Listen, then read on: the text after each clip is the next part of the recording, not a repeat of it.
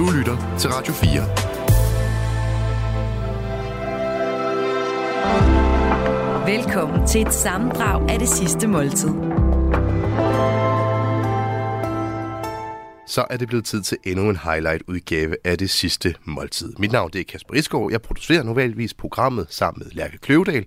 Og det er jo et program, det sidste måltid, hvor at konceptet er ret lige ud af landevejen. Der er kendt person, der kommer ind på Restaurant Frank. For forkant har de valgt deres sidste måltid, en forret, en hovedret og en dessert, som huskok Jonas Frank har tilberedt til dem, hvorefter at de spiser måltid samtidig med, at Lærke Kløvedal præsenterer dem for et eftermæle, skrevet ud fra tidligere ting, der er skrevet om dem. Og i denne her uge, så har jeg fundet tre klip frem fra tre tidligere gæster. Vi skal høre en, der får præsenteret en forret, en, der får præsenteret en hovedret, og til sidst en, der får præsenteret en dessert. Og hvis du ligesom mig er en lille bitte smule snottet, så skal du bare sætte dig rigtig godt til rette, for det er tre rigtig gode gæster, jeg har fundet frem til dig. Den første, det er Karen Mukuba. Og jeg synes egentlig ikke, vi skal trække tingene i langdrag, men i stedet for at høre, hvad hun skal have til sin forret. Det er nemlig noget lidt anderledes, end rigtig mange andre gæster har valgt. Hvad det er, det kan du høre her. Jeg ved ikke, om jeg er, men jeg har været spændt. Ja, hvad er du sindssygt? Jeg sidder og jeg, jeg er simpelthen fuldstændig spændt, for jeg skal også med ting, jeg ikke har smagt før i Ja. dag. Ja. Jeg kan, uden at sådan, uh, røbe det hele, afsløre, at uh, det er i hvert fald top 3 i forhold til, hvordan jeg er kommet på arbejde. Sådan. Med ting, jeg virkelig ikke Ja. ja. vidste, hvad var. Er det rigtigt? Men du var så sød, Karen, fordi du, du skrev jo, hvad du havde lyst til. Ja. Og, så, og så skrev du også til sidst. Men prøv at høre her. Ja. Hvis det simpelthen kommer til at stikke for meget af, så kører vi altså bare noget meget mere traditionelt. Præcis. Men uh, du det tog... gør vi øh, ikke. det gør vi det ikke. gør vi Du tog, uh, Jonas, Jeg, du tog det udfordringen op. Ja. Ja, men vi, tager, vi tager altid udfordringen op. Ja. Men uh, det betyder jo selvfølgelig også, at det kan, det kan lande lidt et skævt sted. Men uh, Ja. vi tager chancen.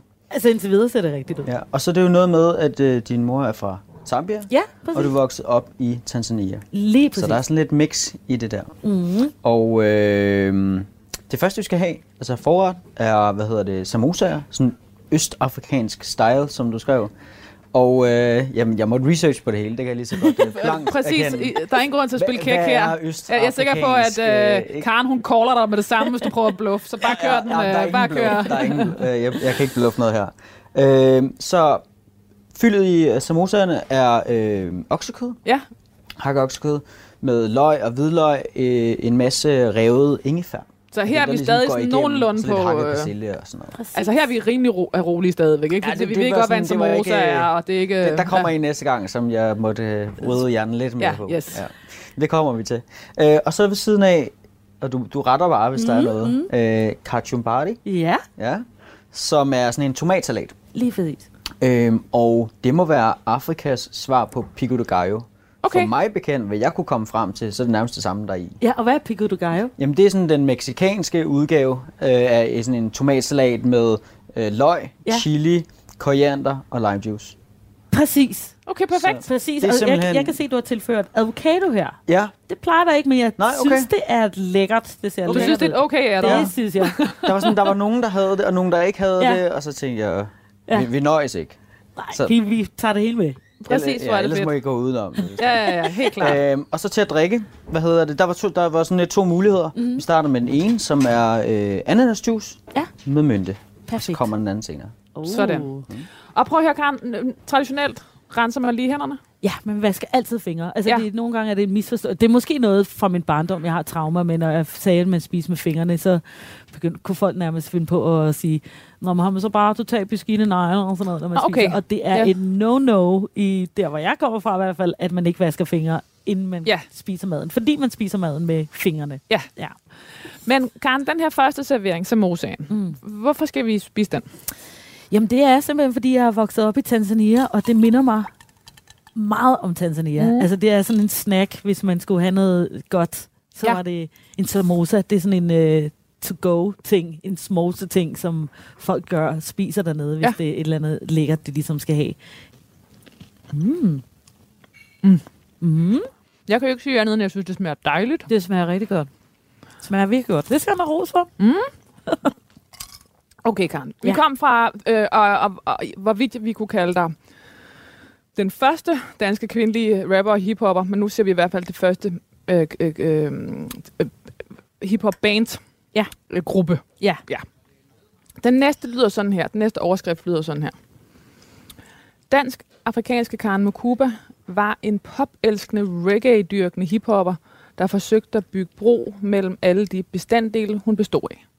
ja, Den er fra Fynstiftet 2011. Mhm, mhm. Ja. det passer meget godt Ja. Med det hele. Jeg er virkelig sammensat på mange mærkelige måder og prøver hele tiden at bygge bro på, på det, jeg kommer af i virkeligheden. Ja. Og det har jeg egentlig altid gjort. Altså det der med, at jeg har altid prøvet, især mit afrikanske ophav med mit europæiske, virkelig altid prøvet, hvordan kan jeg få det hele til at smelte sammen. Og måske det er bare noget, der ligger helt fra barns ben, hvor, sådan, hvor man sådan lidt leder efter, hvor kommer man fra. Ja. Men hvor kunne det være dejligt, hvis det hele bare var en stor pærevælling, og jeg ikke skulle nødvendigvis tage stilling til, om jeg er hvid, når jeg er i Tanzania, eller sort, og det samme, når det sker her. Ja. I hvert fald som barn. Så der var aldrig noget sted, hvor... Øh, altså, der var altid et misforhold på en eller anden måde, øh, Ja. i, i hvilket af, lige meget hvilket af landet du var i. 100 procent, selvom Mm. jeg følte mig også 100 procent hjemme i begge Ja. ja. lande. Øhm, og kunne sproget i begge lande. Altså, det vil sige, at jeg lærte dansk som 10-årig. Okay. Øhm, men nu, nu føler jeg, at jeg er kommet til et sted, hvor jeg bare er bare mig selv. Eller Ja. du ved, Har det taget år? Altså har det taget synes, det har taget- erfaring og levet liv? Og, ja. 100 procent. Ja. Det har taget lang tid. Ja. Det har taget rigtig lang tid. Og i min teenageår var det sådan helt forvirrende, fordi jeg er født i Zambia, min mor er zambiansk, min far er dansk, men jeg er født, eller opvokset i Tanzania. Ja.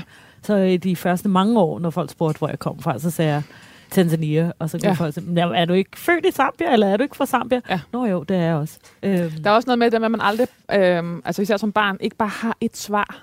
ja, Altså, der er sådan noget med det der med, at man allerede skal ind i en stor forklaring, øh, før man overhovedet nærmest har fået sagt hej og er på vej videre. Eller sådan. fuldstændig. fuldstændig. Jeg Det tror, kræver meget. mm, mm, jeg tror, man er, det er bare menneskeligt, man er nysgerrig på, hvem er du? Mm. Og hele den der snak med, jeg ved, der har været sådan, jeg ved ikke, om man må sige woke mere, men nogle meget sådan oplysende mennesker, som kan have det, have det stramt med, at man bliver spurgt om, hvor man kommer fra. Det synes jeg er jo helt forkert. Jeg, Okay. synes, jeg kan godt lide, at man bliver spurgt om, hvor jeg kommer fra. Jeg er selv nysgerrig på, Ja. hvis jeg kan se. Og måske fordi jeg selv er blandet. Jeg, kan, jeg føler i hvert fald selv, at jeg altid kan se på folk, hvis de har bare en lille smule af noget andet. Ja. Og så bliver jeg nysgerrig på, hvor, hvor kommer det der lidt af noget andet fra, og være nysgerrig på andre mennesker. Hvem ja. er du? Og har du det sådan, som jeg også har det? Og, Ja. Og kunne identificere sig med folk også. Øhm, ja, så, så som sagt, igen, starter jeg om Natasha, det er så åndssvagt. Uden at du endda spørger om det. Fordi øh, jeg kunne forestille mig, at det er noget af det, vi skal snakke om på et tidspunkt. Ja, fordi der, lad, os, lad, os call den med det samme. Natasha Sart var din øh, veninde fra du var øh, ja, Danmarks første, Mm. øh, øh, en af de første øh, danske øh, hiphop og rapper. Mm. Øh, og hendes øh, liv og også hendes død Mm. mm. er kommet til at fylde meget Mhm. i dit liv. Mm. Og det kommer vi tilbage til. Men ja. Det er rigtigt, jeg kan, godt, øh, jeg kan godt forstå, hvorfor du har lyst til at bringe det op i toppen af nekrologen, fordi at jeres to navne, øh, det er svært at sige det ene navn uden at sige det andet. Ja, og på den måde er I blevet beslægtet. Absolut, og da jeg kom til Danmark som 15-årig, så var hun en af de første veninder, jeg fik som dybe, dybe veninder. Mm. Ja. Det kommer vi nemlig meget mere ind på, alt det her. Ja. Øh, nu vil jeg lige give dig den tredje øh, Mhm. overskrift, Mhm. og den lyder sådan her. Karen Mukuba var en pioner på den danske rapper-hip-hop-scene. Hun viste en udadvendt og direkte drivkraft og kærligheden til musikken, som man sjældent møder. Den kan jeg også genkende. Mm. Den synes Hvad for en kan du bedst lide? Åh, måske en sidste. Ja. Der Måske er noget med kærligheden til musikken, Ja, og så er der også noget med, at, at, at når jeg er pioneren, som er vigtig. Ja, lige præcis. Det kan jeg godt lide. Ja, og så den udadvendte. Og den udadvendte. Og ja. jeg, jeg, jeg gad godt, at der var noget med, at... Og det er jo bare mig. Måske det er bare, jeg, glor, jeg pusser lidt med neglekår. Det der med, Det er at, de sidste måltid pus, pus løs. altså, men det der med at kunne give tilbage, det er virkelig Ja. ja. enormt vigtigt for mig at inspirere andre. Ja. Virkelig. at der er noget med et aftryk, som ikke kun har handlet om dig, men har handlet Ja. om det, der kommer efter dig. 100 procent. Yes. Det vil, jeg, det vil jeg, kunne jeg godt tænke mig, at, øh, at der også var lidt af. Modtaget. Ja. Så tager vi den sidste. Mm-hmm. Okay, Karen, så starter jeg din nekrolog her. Mm-hmm. Karen Mokubas fulde navn var Karen Mokuba Turø Rasmussen. Ja. Hun blev født i Zambia i 1973. Mm-hmm. Det pære danske navn Karen, efterfulgt af det afrikansk klingende Mokuba, Mm-hmm. sagde meget mere om sangerinden, end man lige skulle tro. Hendes liv var fuld af kontraster. Det er fra Lime 2013. Ligesom hendes navn var Karen selv en blanding af to kulturer. Den zambianske, som var hendes mors, mm. og den danske, som kom fra hendes far. Mm-hmm. Den blanding så hun så meget definerende for, hvem hun var. I nogle, I nogle år som stor pige boede hun sammen med sin familie i Hvidovre, mm. ellers tilbragte hun det meste af sin barndom i Tanzania. Yes. Og fortæl mig lige, hvorfor var det, I overhovedet startede med at, øh, at mødes, eller hvad hedder det, hvorfor, hvorfor voksede du op i, i, i Tanzania? Hvad kom dine forældre fra og med? Og Jamen altså, min, øh, min far flyttede til Zambia med mellem, mellemfolkelig samvirk, Ah, okay. da Yes. var 21 år. Ja. Og nærmest samme år møder han min mor. Og der boede vi indtil jeg var to i Zambia. Så flytter vi til Danmark, og to år efter får min far en kontrakt i Tanzania med Sadolin, som på det tidspunkt var dansk ejet. Ja. Og øh, der kommer min mor til... Så flytter vi til Tanzania, og for hende er det også et nyt land. Altså hun havde set, hun havde i Danmark, mens vi havde været her, så har hun læst. Min farmor havde Lille Sorte Sambo, som hun gav os. Altså et, et bog, som man overhovedet ikke må læse i dag. Men det var en af mine yndlingsbøger, der var. så dumt. Og hun, hun sagde bare, at det her det er jo løgn. Sådan ser Afrika ikke ud. Der er jo ikke palmer, og folk ser ikke sådan der ud. Det er jo løgn. Og så kommer hun til Tanzania, og så er det et land med palmer, og folk, der måske kan ligne Altså, de er blandet med araber ret mange, mm. især dem ud til kysten. Øhm, og så boede vi i Dar Salaam i, indtil jeg, ja, i 5, 6, 7 år. I hvert fald indtil jeg var 10. Og hvad var det for en opvækst? Det var, altså jeg husker den som øh, enormt tryg. Jeg gik på en international skole, så jeg var hele tiden bombarderet med flere kulturer. Jeg havde rigtig mange indiske venner. Og jeg kan huske meget eksotisk, jeg havde, a- med noget, jeg havde en abe som kæledyr. Altså meget sådan Børnebogsagtigt, i fuldstændig virkeligheden. ja, Mowgli på ja, en eller anden ja, måde. Ja. Altså fik lov til at bare fyre den af med bare tær. Og Tanzania er et sted, som... Altså jeg kalder den nærmest Afrikas New York, Dar es Salaam, som okay. Er hovedstaden, ja. som vi voksede op i. Fordi Ja. der er hinduer, der er muslimer, der er det, de hvide, du ved, som englænder, som altid har boet der, og så er der selvfølgelig øh, tanzanianerne. Og øh, den der s- smeltedige, hvor man ikke dømmer nogen, man har ramadan på lige fod med, man har jul, mm. man har hindufesterne, og, og man, det, er ikke, det var ikke unormalt, eller det er stadig ikke unormalt at se en øh, hindutempel ved siden af en moské, ved siden af en katolsk kirke, mm. du ved, ikke? Ja, altså den der med kultursammensmeltningen, det var... Um, det er bare noget, der altid har fulgt mig, og noget, jeg måske, når jeg er blevet ældre, har slået mig sådan, altså i min teenageår, da jeg flyttede til Danmark som 15-årig, at hvorfor kan man ikke, hvorfor, hvorfor skal der være det skille? Mm. Og, og, og især i dag, hvor vi snakker så meget om det der med at være woke og, og den sorte kultur og Black Lives Matter. Jeg synes, det er en vigtig samtale. Og jeg er næsten svært ved at sige det, fordi jeg tænker, at det er måske mine, mine øh, sorte venner kan måske se det ned på mig. At, at, at jeg synes nogle gange, den bliver forskænger. Jeg synes nogle gange, det, at, at den samtale gør, at vi bliver endnu mere divided på en eller anden måde. Og det er især, når jeg ser sådan noget på Instagram. Og det er måske især de amerikanske sorte, når jeg ser, hvor de hele tiden skal slå en hvid person i hovedet omkring, hvad der skete for 400-500 mm. år siden. Jeg kan godt se, at der, der er et kæmpe sorg for dem. Men jeg synes også nogle gange, så bliver samtalen også ja, mere øh, splittende end, øh, end sammen. Det var ikke altid nemt at bestå af to kulturer, for det gjorde det besværligt rigtigt at passe ind nogle steder. Karens far var med hendes egne ord en meget dansk far, der holdt fast i juletræer og H.C. Mm. Andersen, da de boede i uh, Tanzania. Mm. Ligesom Karen, da hun som ni, øh, ni, nu har jeg skrevet 9-12-årig her, Mhm. mm-hmm. boede med sine forældre i Hvidovre, Yes. øh, og var meget opmærksom på, at hendes familie øh, stak ud og var anderledes end de andre danske familier. Mm. Her længtes Karen efter sovs og kartofler og fredagsslæk. Mm. I hendes familie spiste de med fingrene. Der var ingen godnathistorier, og hun synes ikke, at familiehyggen var dansk nok. Fuldstændig. Fuldstændig. Okay. Altså, det, var, det, og det er interessant, når, nu når vi lige snakker om det, fordi mm. det var først, da jeg kom til Danmark, jeg blev meget bevidst om, gud, jeg er meget anderledes. Det er også fordi, når man er 9-10 år under det, så er man bare et menneske, tænker Ja. jeg. Man tænker ikke lige over Nej. det. Men jeg fandt hurtigt ud af, at mine øh, klassekammerater, de fik øh, lidt fredagslæg. Mm. Den måde, de hyggede på, møderne eller fædrene, fortalte dem godnathistorier. Min far har gjort det meget let, men ikke meget. Mm. Du ved, virkelig. Altså, jeg kan huske måske to gange, og det kan jeg virkelig huske. Mm. Øhm, Mm. Fordi det gjorde indtryk, fordi det var sjældent. Øh, lige ja. præcis. Ja. Øh, der var bare en masse ting. Vi spiste jo rigtig meget med fingrene, og spiste alt muligt mærkeligt. Altså sådan noget som sommerfuglar. Hvis min mor har været i, ja. i Zambia, så kunne hun have det med hjem. Øhm, og jeg kan huske, hun gjorde meget sådan ud af, jeg synes ikke, du skal sige til dine venner, at du spiser med fingrene. Eller Okay. jeg synes ikke, du skal sige, at vi spiser de her laver. Fordi tænk, hvis de driller dig, ikke? Øhm, Nå, man kan nærmest se det der moder, moderhjertet, der prøver at passe på, ikke? Der er sådan ja, en... fuldstændig. Ja. Øhm, og det der med bare at være dansk lige pludselig, du ved, det gik bare op i nogle andre ting. Altså, jeg tror også, fordi jeg kom fra en, som, som barn på den der international kom fra en skole, hvor vi alle sammen var, var anderledes, Ja. og på udebane på en eller anden Ja. måde. Og her var jeg lige pludselig den eneste, der gik på Risbjergskolen i Hvidovre.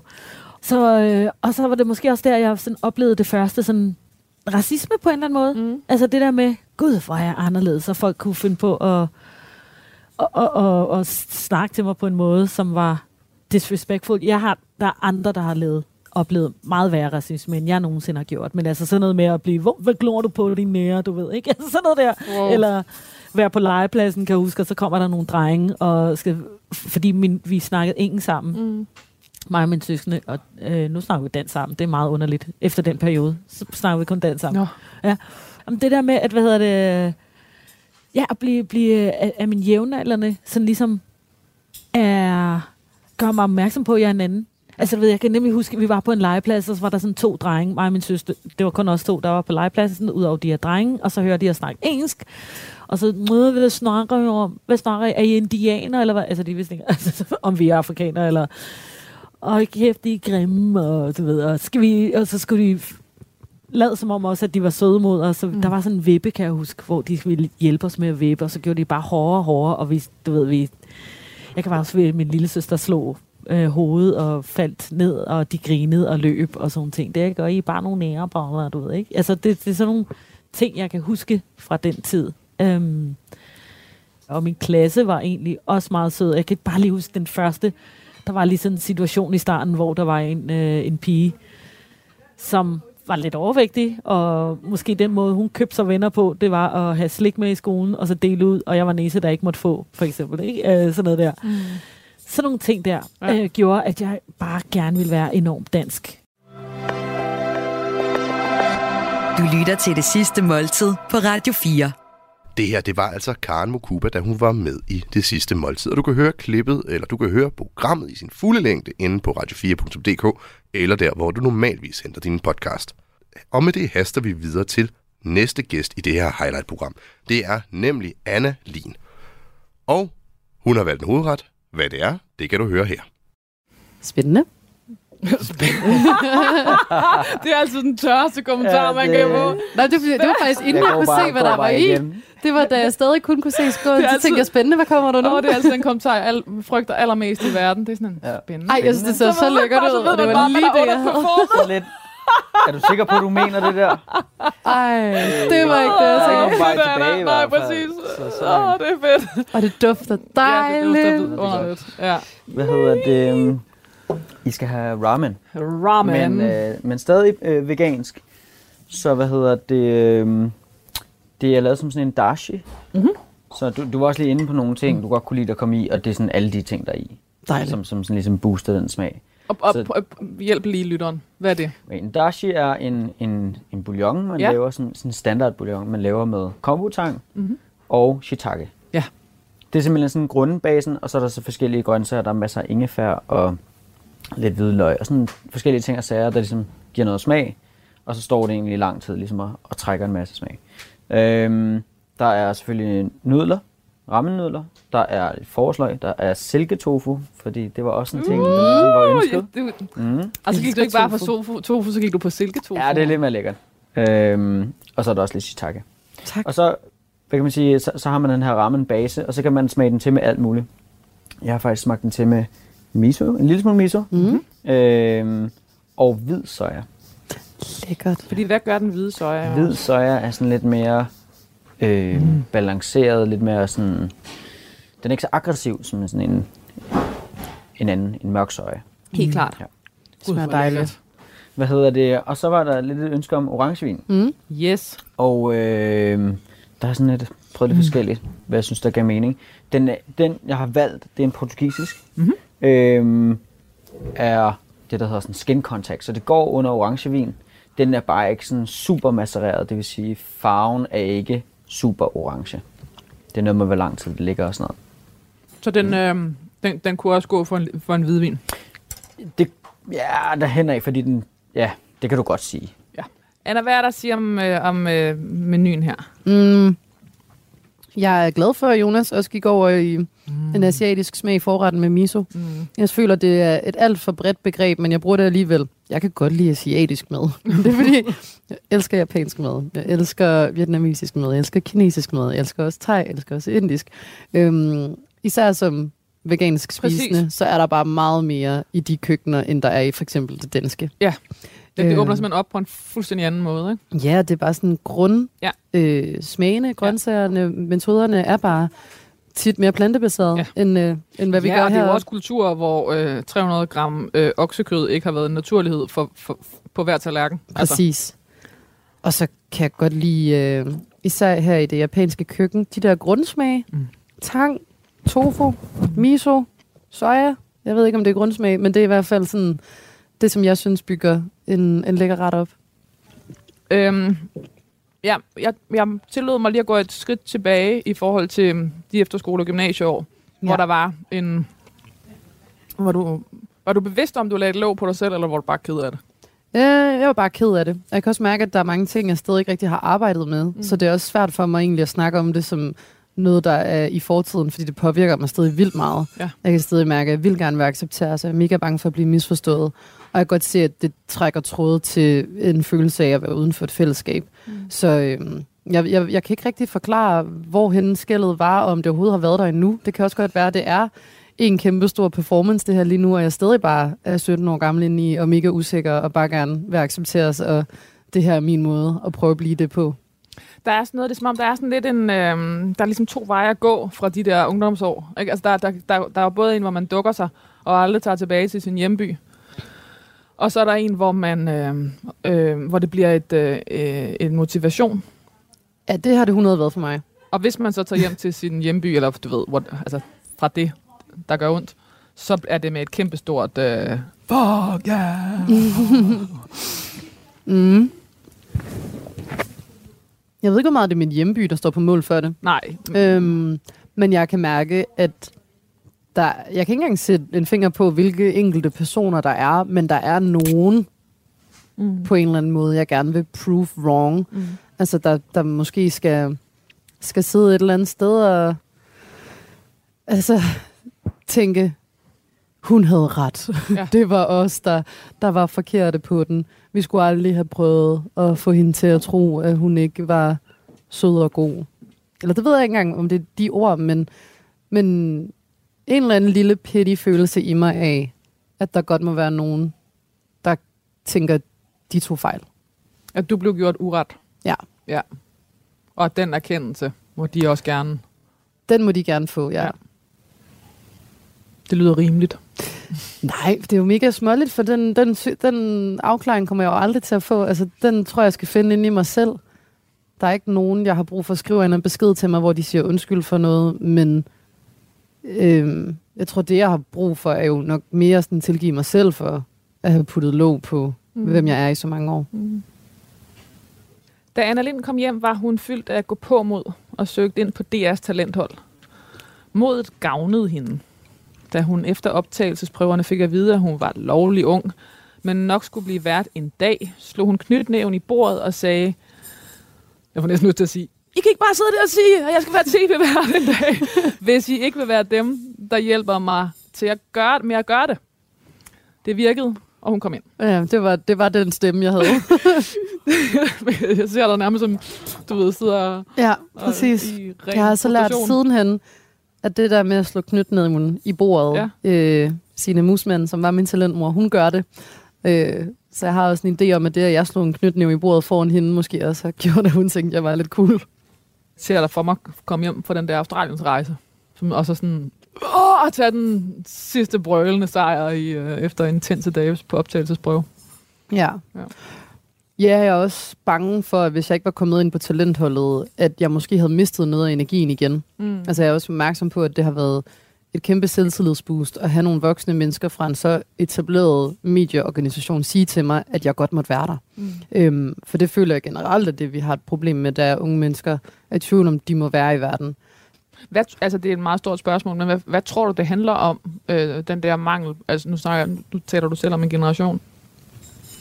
Manglen på berettigelse til at have lov til at være i verden.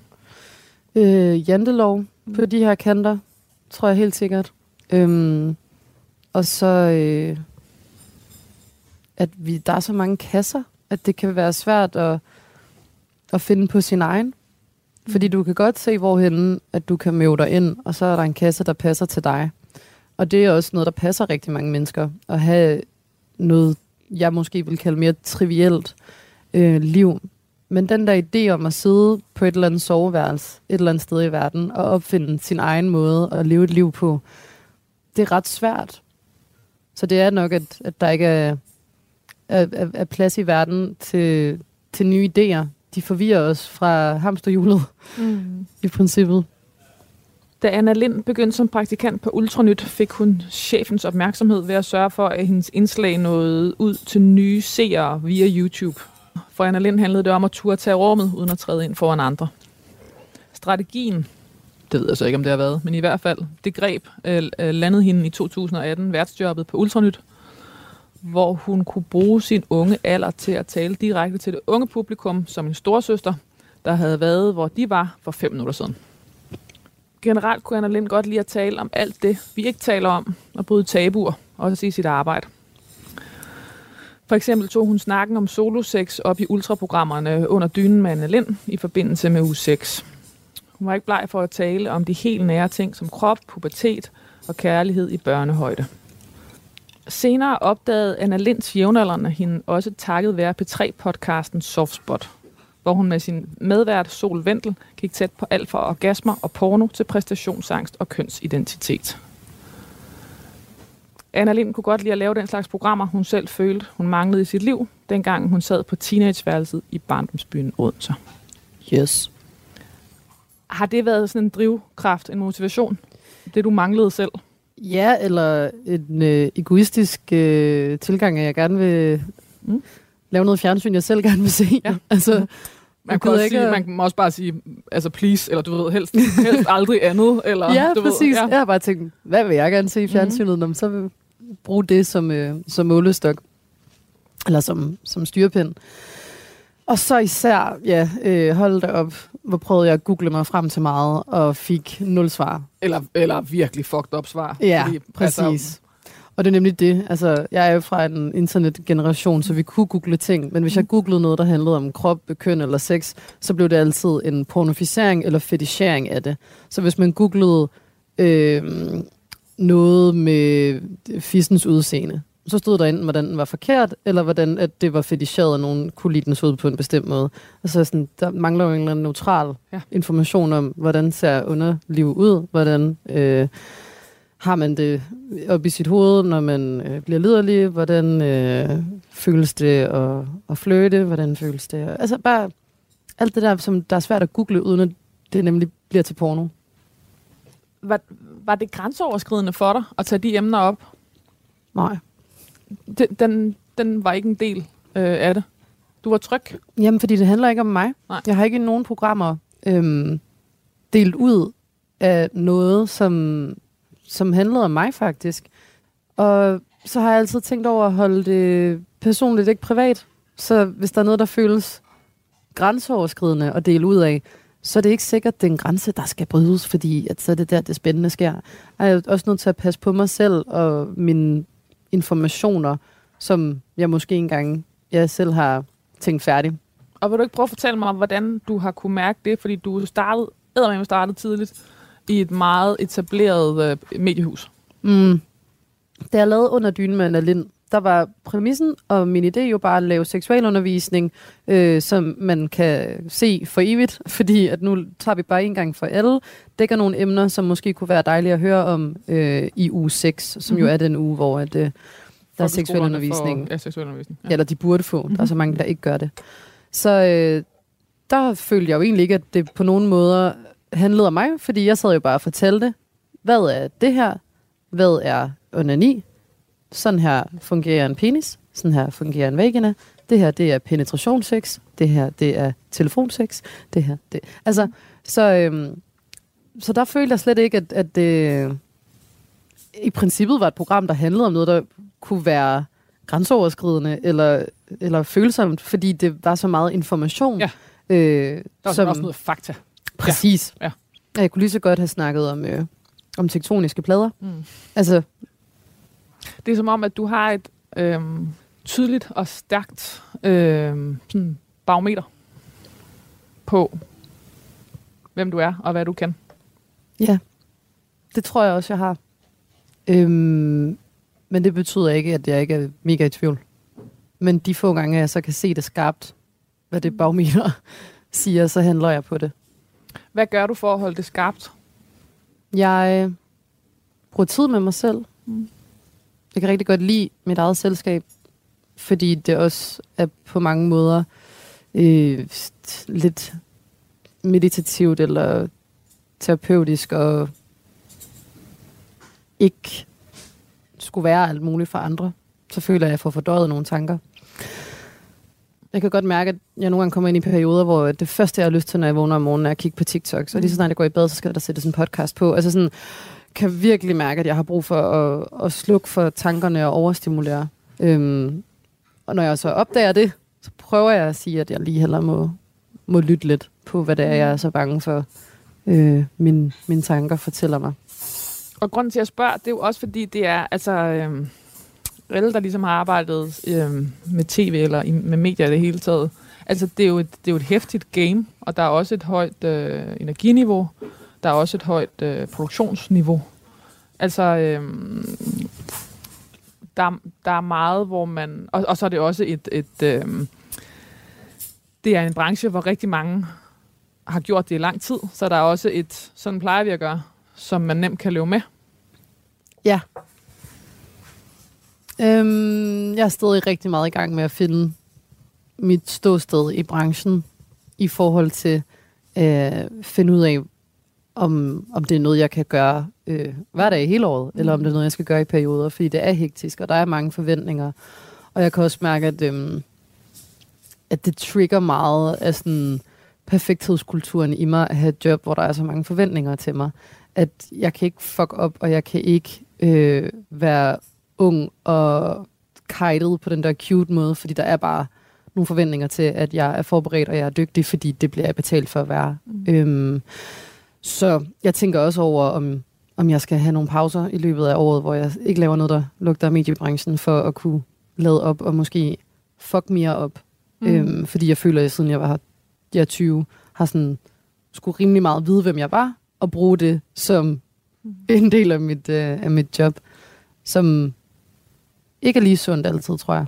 Er du bange for at træde forkert i den medievirkelighed, du også er en kæmpe del af? Både, øh, både i, i et elgammelt mediehus, men også øh, på sociale medier? Øhm, ikke bange i forhold til, at det holder mig tilbage, men angst i forhold til, hvis der er noget, jeg ikke har kontrol over. Mm. Hvis der lige pludselig kommer et eller andet udfrakommende, der gør, at det hele fucker op, så det vil jeg være bange for. Altså hvad for eksempel? Det jeg jo i princippet er bange for, er miskontrollen. Øhm, jeg kan også mærke, at at i perioder, hvor jeg er meget stresset, der får jeg meget sygdomsangst, som jeg godt kan se et symbol på, at det vil være noget udfrakommende, som jeg ikke kan styre, ja. der vil ødelægge noget for mig, øhm, som er meget spændende at arbejde med, fordi at, øh, det er jo også et symbol på, at den kontrol ikke gavner mig. At jeg skal være bedre til også både lære at blive misforstået, lære at tænke galt, lære at hver eneste udtalelse eller hver eneste øh, udførelse af et job ikke er symbol på alt, hvad jeg er. Ja, ja, og det, og, og, og, og det faktum, at det er et livsvilkår at fuck op, altså, du ved, og det er et livsvilkår at miste kontrollen. Ja, det er jo så det, jeg skal forstå, det er. Mm. Fordi... For den har du ikke købt endnu. Nej. det var, så længe jeg har kontrol, så, så er der styr på tingene, ikke? Ja. Anna Lind brugte sig selv i alt, hvad hun lavede. Især på sociale medier, hvor hun brød tabuer igen og igen. For eksempel i en story fra sin læges badeværelse, hvor hun iført gul imiteret pels, holdt en øh, klamydia-test mellem sin lakerede negle, og lignede på ingen måde en, der skammede sig over at blive testet. Det er på Eurowoman øh, 2023. Jeg synes ikke, det er pinligt at blive testet. Jeg synes ikke, det er pinligt, hvis man har klamydia. Jeg synes ikke, det er forkert, hvis man boller med mange, eller hvis man ikke boller. Det er all good. Jeg nu kan poster, at jeg sidder og tænker mig om, det er også det der med, det Det virker. sagde Anna Lindsay jo, hvor man i 2023. Ja, ja. Men sådan, at der er virkelig tit, hvor jeg også kan se, at det, at jeg poster noget på et socialt medie, tænker nogen af et brand, der poster. Altså, det, det er et medie, og det er bare mig.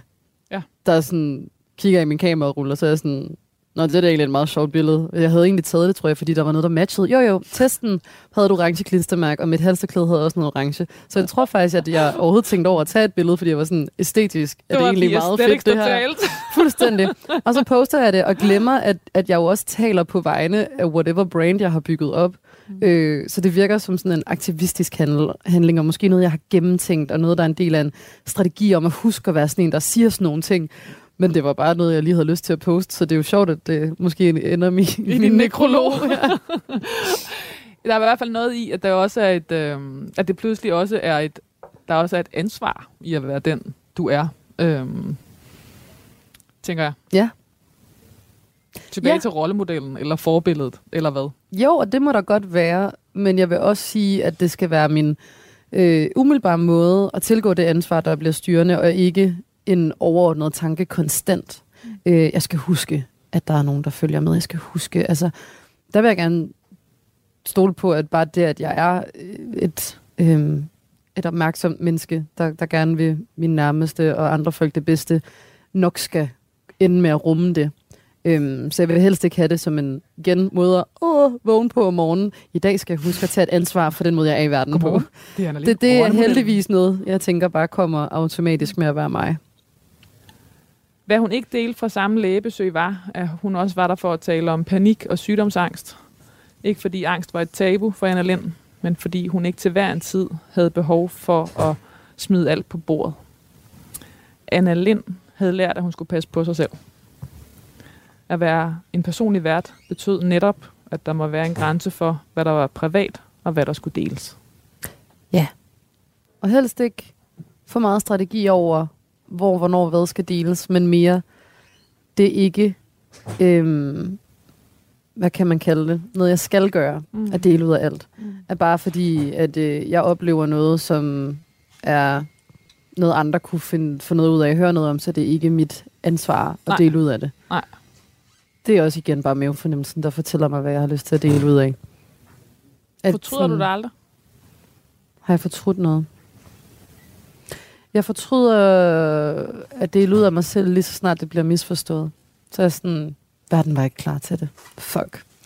Fordi så skal jeg leve med, at det er en anden fortælling, som sidder i folk. Mm. Især hvis jeg har udtalt noget i en podcast. Det kan være, der er nogen, der hører den her, og vælger at tage nogle af mine udtalelser og se, at det kan være en fin overskrift. Så er der masser, der ikke klikker, og bare kun ser overskriften, og så har det billede af mig, som en meget simplificeret udtalelse var. Og det kan jeg mærke, at det er svært ved at ryste af mig. Og der er svært ved at være ligeglad og være cool girl, der bare siger sådan der, fuck det, og jeg ved, hvad jeg står for. Jeg har ikke brug for, hvad andre folk de tænker.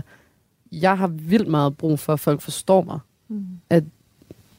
At mine intentioner øh, står tydeligt igennem. Hvordan, hvordan gør du, passer du på dig selv i det? Fordi det sker jo.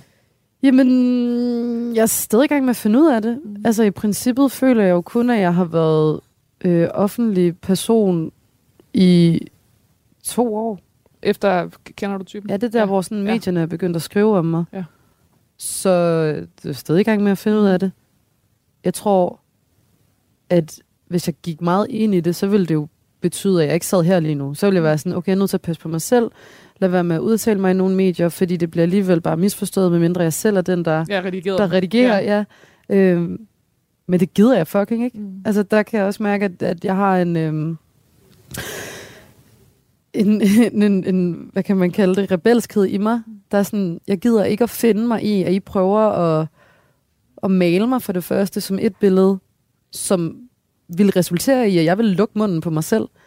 At jeg vil stoppe med at udtale mig, fordi at jeg ikke vil tro på, at I kunne passe ordentligt på mine ord. Men, øhm, men det gider jeg ikke. Men det er også et valg at, at insistere på at blive ved med at have tillid til verden. Ja. Jamen det, det har jeg på alle måder. Mm. Jeg vil gerne tro på det bedste. Og jeg vil føle, det var rigtig kedeligt, hvis jeg fik et personlighedstræk, som var at prøve at gennemskue ting. Mm. Jeg er meget naiv på den bedst mulige måde. Radio 4 ikke så forudsigelig. Og det var sådan, det lød, dengang Anna Lin fik en hovedret og fik snakket om noget af sit eftermæle med Lærke Kløvedal. Du kan høre programmet i sin fulde længde. Søg på det sidste måltid, der hvor du lytter til podcast, eller find det på radio4.dk. Og dermed så er vi også klar til næste klip. Det er Signe Svendsen, som får serveret sin dessert. Men vi kommer ind i samtalen en lille smule før hun får serveret den her dessert. Og hvordan det lyder, det kan du høre her. Jeg bliver nødt til at spørge dig, altså det der med selv at blive mor, triggede det noget i forhold til din egen mors skrøbelighed? Øhm, jeg var utrolig bange for, inden hun kom, min datter, øh, om jeg ville kunne, om jeg ville kunne det. Mm. Fordi min, min, egen mor var så vaklende omkring det, da jeg var helt lille. Så jeg var sådan, jeg var i tvivl om, jeg, altså for det første, så var jeg ikke særlig vild med at være gravid. Jeg synes ikke, jeg havde den der sådan bredbåndsforbindelse til moder jord, eller sådan, jeg var sådan helt, fuck, jeg skal kaste op helt vildt meget, og jeg synes ikke, det er sjovt. Så jeg var ikke sådan, på den måde, øh, hmm, glad for moderskabet, inden det kom, og, men jeg var nervøs for, om jeg ville kunne, øh, om jeg ville kunne være der, om jeg, ville, om jeg egentlig var stærk nok til at, at tage den opgave på mig. Øh, så inden var jeg i tvivl. Da hun så kom, var jeg slet ikke i tvivl. Overhovedet.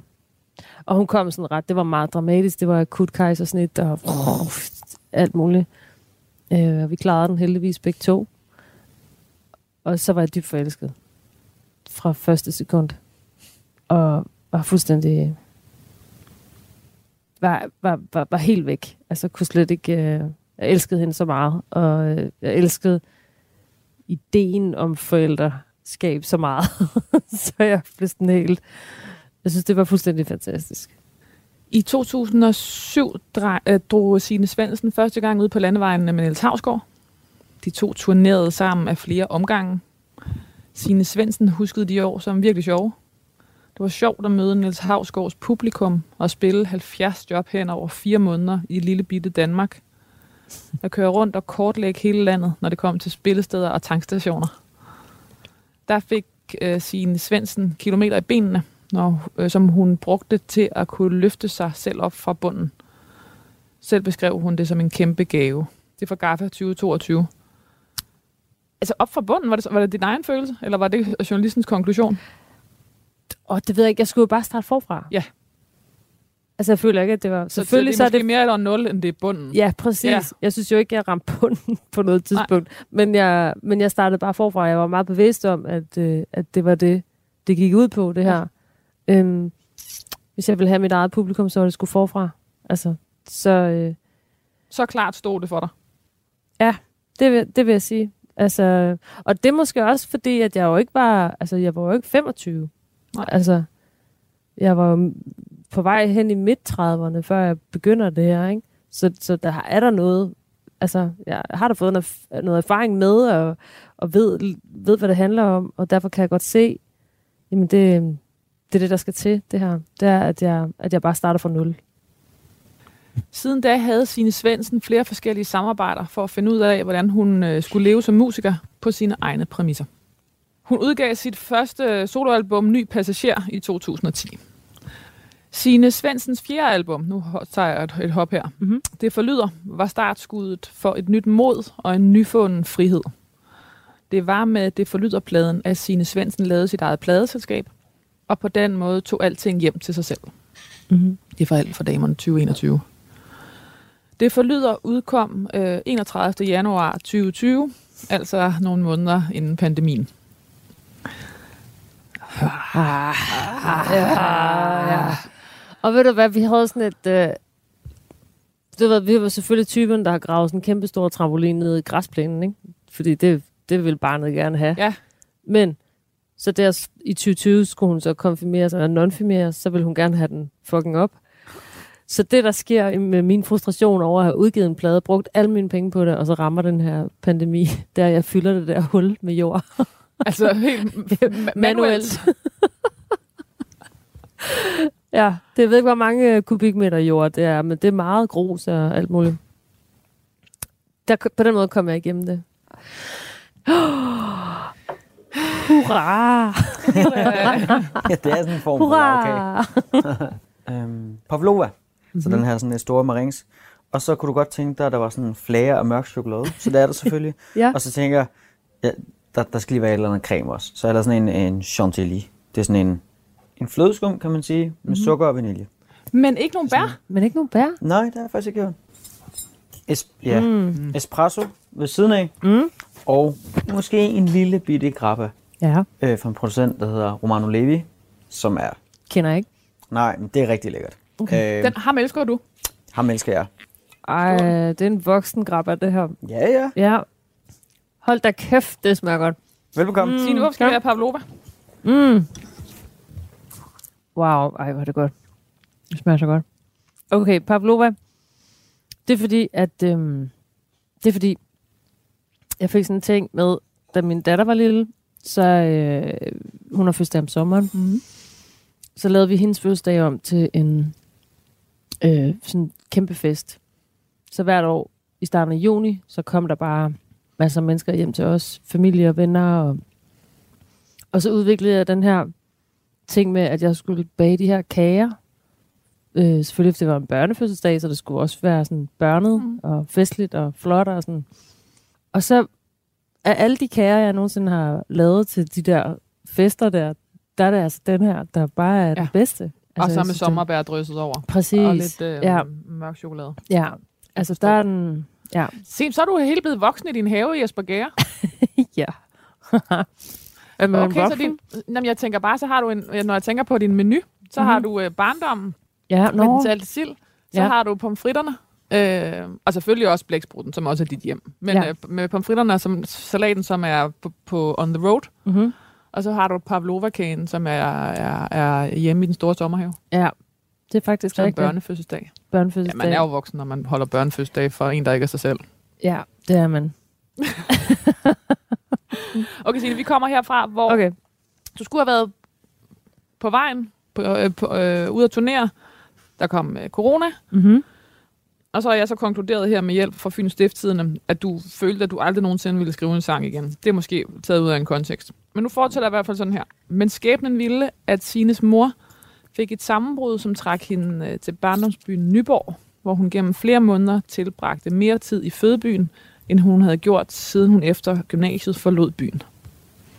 Både opholdet i hjembyen og tiden med sin mor inspirerede hende til et kul nye sange, som, som, som kom til at udgøre skelettet for hendes femte og seneste og meget anmelderoste album, Hvem vil ikke elskes igen. Jyllandsposten skrev, Mørket har sænket sig over sine Svendsens sangskrivning. Glem alt om fyrværkeri og konfettiregn. Intet rimer på Rollo og King eller Melodi Grand Prix på Hvem vil ikke elskes igen. Det er selvfølgelig helt vildt flotte ord, men det er alligevel også vildt, som du siger. Ja, Øh, altså der må det er så... 22, og, og øh, Melodi Grand Prix var i 2001, og du er, det er dit femte album. Ja, det vil jeg sige, altså den der, jeg ved godt, det er godt ment, men, Ja. men jeg er også virkelig træt af den. Ja. Men det, det, det føles bare underligt.